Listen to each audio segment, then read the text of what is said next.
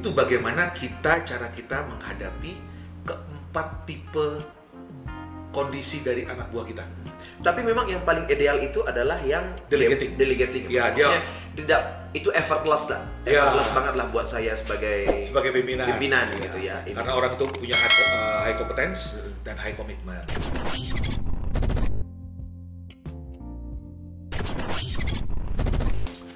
Hai guys, selamat ketemu lagi dengan saya Rudi Caniago dalam Leadership Toolbox Podcast bersama Ronald Tuhatu, seorang psikolog organisasi dan konsultan sumber daya manusia. Mas Ronald, apa kabar malam? Baik, selamat Baik. berjumpa lagi Mas Rudi. Terima kasih loh mau jadi host acara saya lagi. Ya, ketemu lagi saking banyaknya eh, ilmu-ilmu yang saya dapatkan dari Mas Ronald nih. Ya, dan kayaknya makin banyak pertanyaan nih. Makin banyak. Nah, berhubung dengan pertanyaan tadi yang Mas Ronald bilang tuh, ada seorang teman saya kemarin tanya Mas ketemu gitu loh. Ya.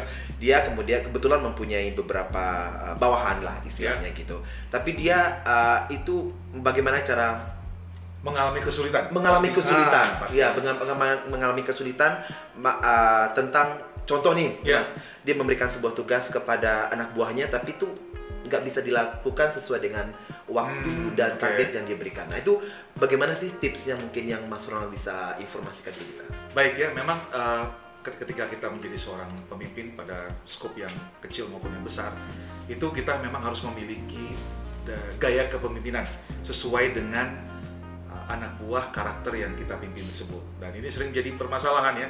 Tadi yang Mas Rudi katakan, ada orang yang kalau dikasih tugas bisa cepat selesai, Iya. ada yang masih sampai harus ditungguin ya. Nah, kita dapat menggunakan di sini suatu kerangka berpikir atau metodologi yang dikembangkan oleh Ken Blanchard yang namanya situational leadership. Oh, Nah, dari kata-katanya aja kan situational leadership. Hmm. Kita melihat situasi atau melihat kondisi dari anak buah kita itu atau anggota tim kita itu. Nah, jadi ada dua faktor nih di sini, Mas Rudi. Yang pertama, kita bicara kompetens. Oh, oke. Kompetens itu artinya kemampuan, skill set yang dimiliki oleh anggota tim kita, ya, kompetens. Yang kedua, komitmen. Komitmen ini keinginan, ya, willingness untuk melakukan suatu tugas. Oke. Nah, dua faktor inilah yang akan kita kombinasikan sehingga nanti akan ada empat kuadran. Oke, sebelum ke empat kuadran itu mas berarti saya sebagai atasan nih sebagai ini harus dulu menganalisis ini anak buah saya harus mempunyai dua itu kompetensi Mhm. dan juga uh, Komitmen. komitmen. Ya, jadi tugas sebagai seorang pemimpin adalah kemampuan untuk mengobservasi, ya, apakah anggota timnya memiliki kompetensi, Yes. skill set, ya, mestinya ya, ya, Ya. mestinya sebagai seorang pemimpin, Mas Rudi juga sudah punya itu dan bisa tahu apakah orang ini memiliki komitmen untuk mengerjakan tugas. Ah, Nah, ini memang akan menjadi salah satu fungsi sebagai seorang pemimpin. Nah, kita masuk satu persatu ya. Ya.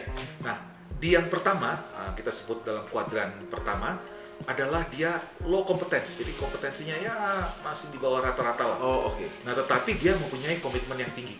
Ah. Nah, ini D1 ya, kuadran pertama. Hmm. Kemudian kuadran kedua, ya low ada some competence lah.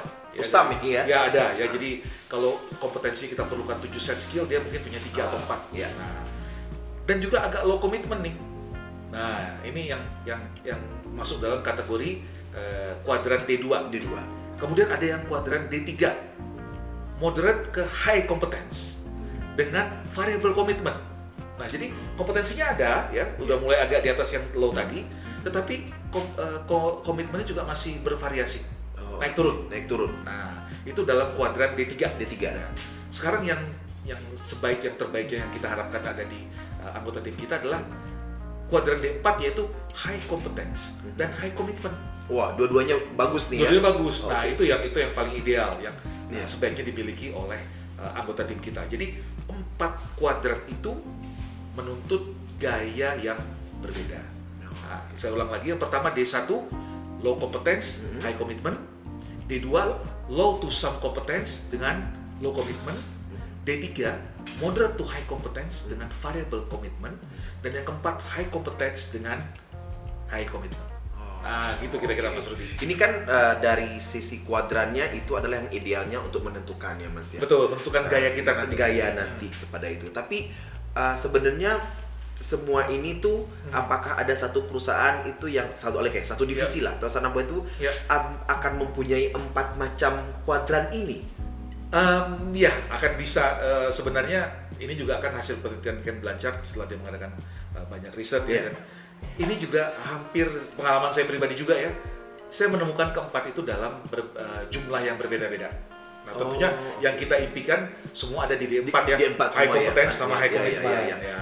Tapi ya kadang-kadang juga kita punya yang low competence, low commitment. Oke. Berdasarkan pengalaman Mas Ronald nih kan, Iya. saat gue punya nih anak buah ada lima lah gitu loh. Hmm. Tapi kan nggak semua, saya gue mau ini delegasi pekerjaan itu ke seseorang yang benar-benar uh, bisa sebagai wa- uh, pelaksana lah gitu. Kalau nggak, kalau saya nggak ada, dia bisa melakukannya gitu loh. Iya. Tapi kalaupun saya nggak mendapatkan yang kuadran 4, Iya. itu apakah masih bisa saya uh, diperbantukan atau memang ya udah saya harus melakukan itu lagi? Masih bisa, kita masih uh, tentunya keempat uh, tipe dari uh, anggota tim itu Iya. memerlukan pendekatan yang berbeda-beda. Ah. Nah, kita coba masuk ya. Misalnya tadi, ya dia low competence Hmm. tapi high commitment. komitmennya dia. Ini Nah. berarti semangatnya ada gitu. Ada ya? semangatnya. Iya. Nah, itu kita harus directing, harus banyak pengarahan.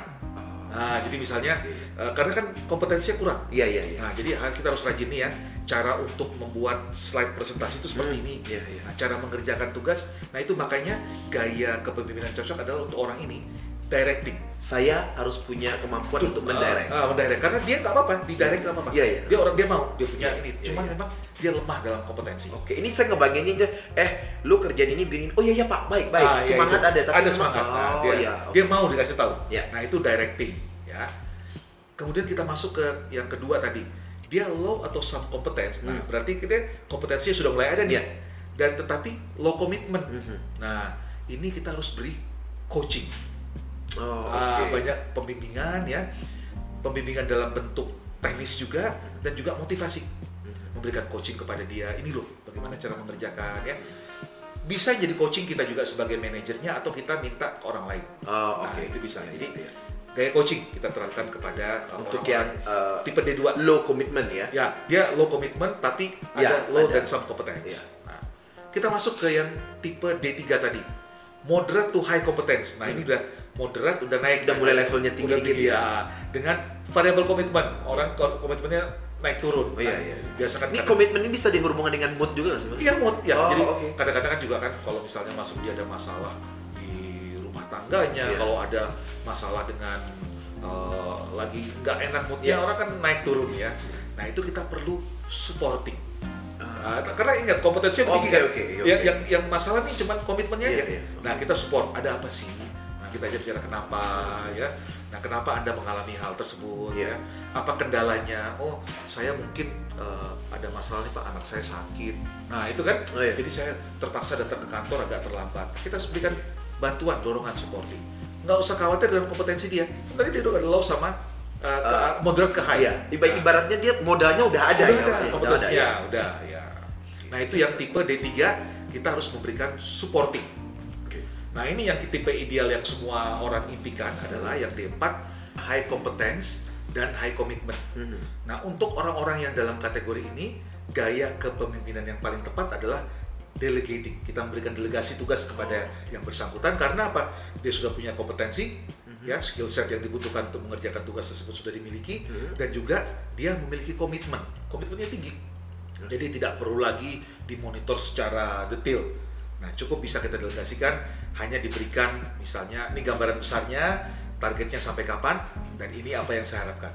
Hmm. Nah, itulah itu bagaimana kita cara kita menghadapi keempat tipe kondisi dari anak buah kita. Tapi memang yang paling ideal itu adalah yang Delegating. delegating. Ya, Maksudnya tidak itu effortless lah. Ya. Effortless banget lah buat saya sebagai Sebagai pimpinan. Pimpinan Iya. gitu ya, ini. Karena orang itu punya high, uh, high competence Mm-mm. dan high commitment. Mas Ronald, saya mau tanya nih. Tadi kan sudah diinformasikan tuh ada D1, 2, 3, 4 Empat gitu. dan gaya-gayanya. gaya-gayanya. Oke, empat tuh de- ideal mas. Tapi memang kebetulan kalau memang saya mempunyai bawahan tuh yang masih dari stratanya tuh D2 gitu loh. Iya. Dia tuh dengan pola yang tadi diinformasikan Mas Hmm. Ronald itu bisa kemungkinan dia bisa naik ke D4 seperti Bisa, bisa sekali. Hmm. Kan kalau kita pahami bahwa tugas sebagai seorang manajer juga kita atau pimpinan memberikan pelatihan. Iya. katanya. Kalau orang itu dengan berlangsung berjalannya waktu, dia bisa memiliki kompetensi tersebut, yang tadinya kita directing, tentu nanti kita bisa supporting. Oh, kita bisa oke. kalau dia naik terus, nanti high competence dan Hmm. high commitment. Hmm. Jadi memang tugas seorang manajer adalah bagaimana kita membuat orang yang tadinya low competence bisa menjadi high competence. Ya. Dan juga untuk menjaga mood. Kalau istilahnya Mas Rudi itu Iya. moodnya karyawan yang tadinya tidak komitmen jadi naik Naik komitmennya. komitmennya gitu ya. Nah, jadi seorang bisa yang tadinya kita dengan gaya directing, Hmm. dengan berjalannya waktu, kita akan coaching dia, supporting, dan akhirnya nanti pada delegating. Oke. Jadi bisa ya timnya. Jadi kita tidak tidak tidak berarti bahwa orang itu akan terpuruk saja di gaya tertentu, Di gaya ya di, tertentu. di uh, kemampuan tertentu. Orang itu kan berkembang. Bahkan orang yang delegating pun bisa nanti turun. Oh, Uh, bukan turun ya istilahnya. Iya. Yang tadinya kita delegating sekarang kita harus supporting karena apa? Pekerjaannya berkembang. ya betul. Job desk-nya berubah Hmm. atau ada teknologi baru sehingga kompetensi yang tadi tinggi Oh. sekarang jadi jadi uh, agak moderate. Aha. Nah, jadi itu itu bahwa kita sebagai seorang manajer kita harus mempunyai repertoar keempat gaya tersebut untuk bagaimana bisa memahami dan mengobservasi pada saat mana kita menggunakan gaya tertentu. Oke oke itu lebih kemampuan bukan dituntut dari karyawan aja ya. Saya Iya. sebagai pimpinan juga harus mempunyai kemampuan itu. Iya. Ini pertanyaan agak-agak di luar konteks sih mas. Iya. Seandainya itu ya nggak ada nih, tidak ini apa jangankan mendapatkan yang ideal ya satu Iya. dua tiga aja tuh ya, susah banget didapetin karyawan itu apa tipsnya dari mas Ah. buat saya? Ya kalau dia memang udah low competence, low commitment dan nggak bisa di directing pun nggak bisa, Ah, mungkin Mas Rudi harus mencari siapa kompetitor perusahaannya Mas Rudi dan berikan orang itu kepada kompetitor. Oke. Ya, jadi biar ini bahasa psikolog ya, Iya. gampang eh, lu serahkan aja kepada Kepada kompetitor gitu ya. Oh jangan juga dijarah menikmati, ya. Tapi ya. amit amit ya Mas ya, semoga enggak lah ya. ya Alhamdulillah sih memang masih punya bawahan yang masih bisa dibentuk sehingga Ya, bisa betul. menjadi mencapai D4 yang yang saya cuma ngasih itu delegating aja, saya nggak usah Ah, sampai turun sampai usah directing dan ya. lain-lainnya gitu Mas. Dan ini memang ini ya kalau kita lihat dalam mata rantai perusahaan, makanya pentingnya pada saat wawancara. Oh, oke. Nah, wawancara Di awal. Di awal pada menerima karyawan ya, pastikan kita bisa uh, membuat uraian jabatan yang yang benar-benar menggambarkan pekerjaan tersebut, persyaratan jabatannya apa, proses interviewnya, proses rekrutmennya. Mhm. Nah, kalau itu baik, kita tidak akan mendapatkan orang yang low competence. Oke. Nah, kalau komitmen kan orang naik turun ya. Ya betul. Ya kalau sedang kita sedang punya masalah di rumah, ada karyawan yang anaknya sakit, Ya. tentunya mempengaruhi pola pikirnya, mempengaruhi pemikirannya. Nah itu kita harus beri motivasi. Tetapi kalau kompetensi itu bisa kita screen pada waktu orang itu masuk ke organisasi kita. Oh, oke. Itu by the book tuh masih bisa. Masih dilihat. bisa di ini Kak. Ya. Oke, baik Mas Uno, ini menarik banget hari ini eh, apa namanya sharing kita, Ya. eh, pembicaraan kita mengenai kompetensi dan komitmen. Dan itu Ya. dalam hal ini saya menangkap sih eh, bukan hanya dari sisi eh, orang sebagai pimpinan, Iya. tapi kita juga mendalami itu bawahan kita seperti apa. Jadi Betul. ini benar-benar eh, dua pihak Ya, harus pihak. saling me- me- mensupport each other. Ya, memang jadi eh, memang tugas manajer adalah atau pimpinan ya memahami karakteristik dari anggotanya. anggota sendiri. Ya, jadi ketika kita sudah tahu uh, karakter dari atau situasi kondisi dari anggota tim kita, kita akan bisa menerapkan gaya kepemimpinan yang tepat.